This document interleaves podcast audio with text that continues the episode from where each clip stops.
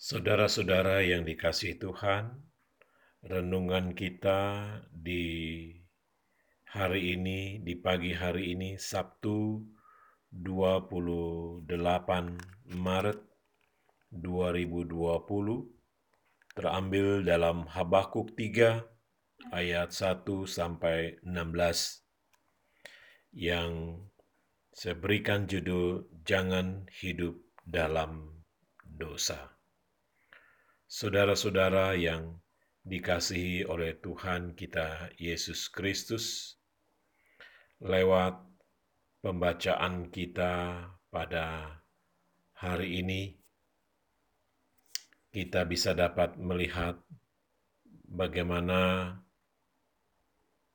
firman Tuhan menyampaikan tentang murka Allah terhadap Sion karena pengkhianatan mereka terhadap Tuhan. Murka tersebut tidak bisa dihindari. Allah menghempaskan kemuliaan dan melemahkan kekuatan Yerusalem. Semua simbol relasi antara Allah dan umat, yaitu bait Allah, mesbah, para pemimpin bangsa Yehuda dan tembok kota, dimusnahkannya.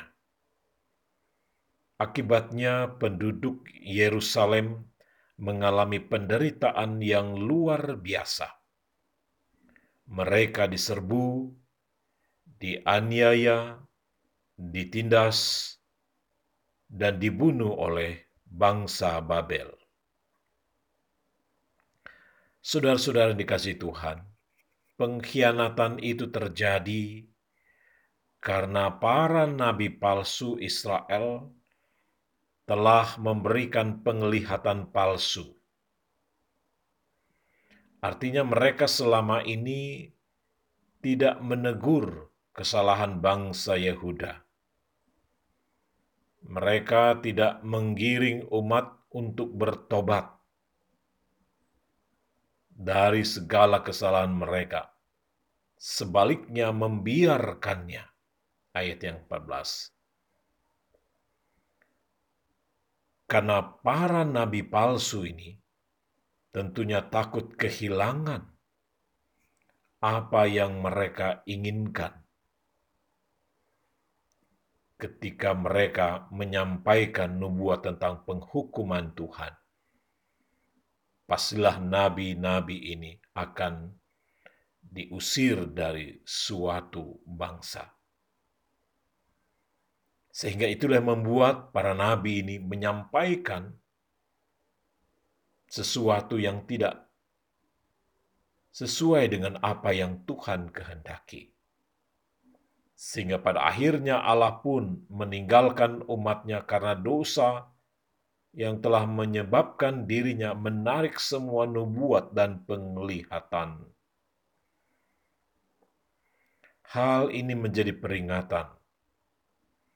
Tentunya bagi kita pada zaman sekarang, bahwa Roh Kudus pun bisa menghentikan manifestasi berbagai karunia dan karya ajaibnya dalam diri orang percaya apabila mereka tidak lagi mencari terlebih dahulu kerajaan Allah dan berkompromi dengan dosa. Saudara-saudara yang dikasihi Tuhan,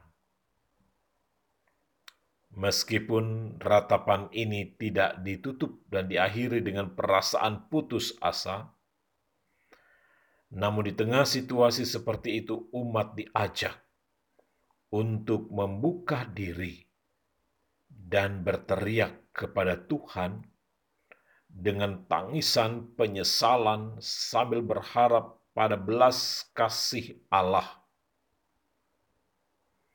Artinya bagaimana kesempatan itu mereka pergunakan untuk mengakui akan segala dosa dan kesalahan mereka.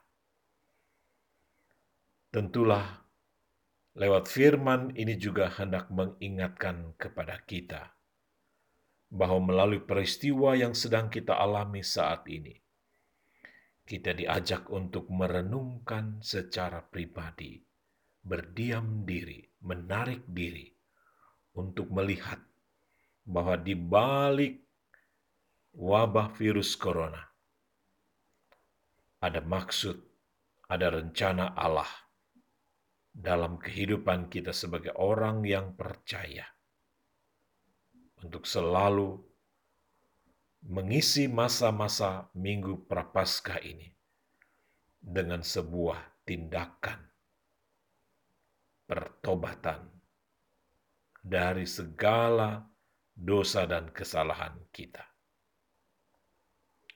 Walaupun Allah bertindak keras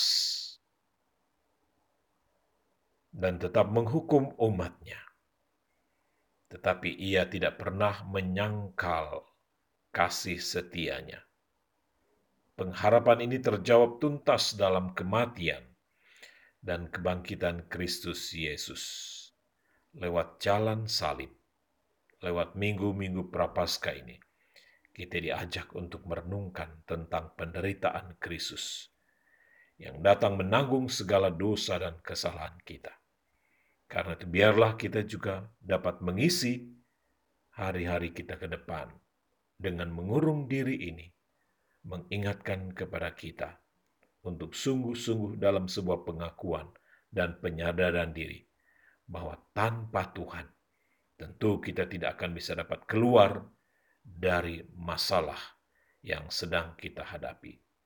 Semoga Tuhan mendengar segala bentuk pertobatan kita Lalu ia menunjukkan belas kasihan dan mau menyelamatkan kita dari murka virus corona ini. Terpujilah Kristus, karena kuasanya jauh lebih besar dari segala masalah yang kita hadapi. Amin.